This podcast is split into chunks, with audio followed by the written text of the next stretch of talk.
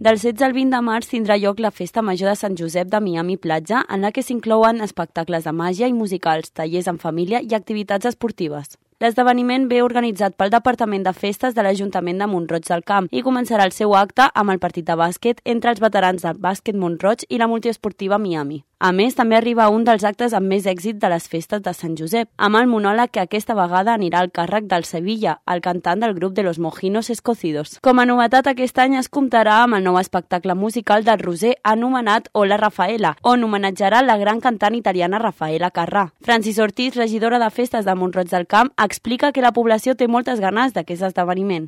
Jo crec que hi ha moltíssimes ganes. Ja porten temps eh, esperant aquestes dates i és, un, és una festa que és, que és molt del poble. Pues, bueno, pues, la veritat és que, que agrada molt i, i s'espera amb ganes.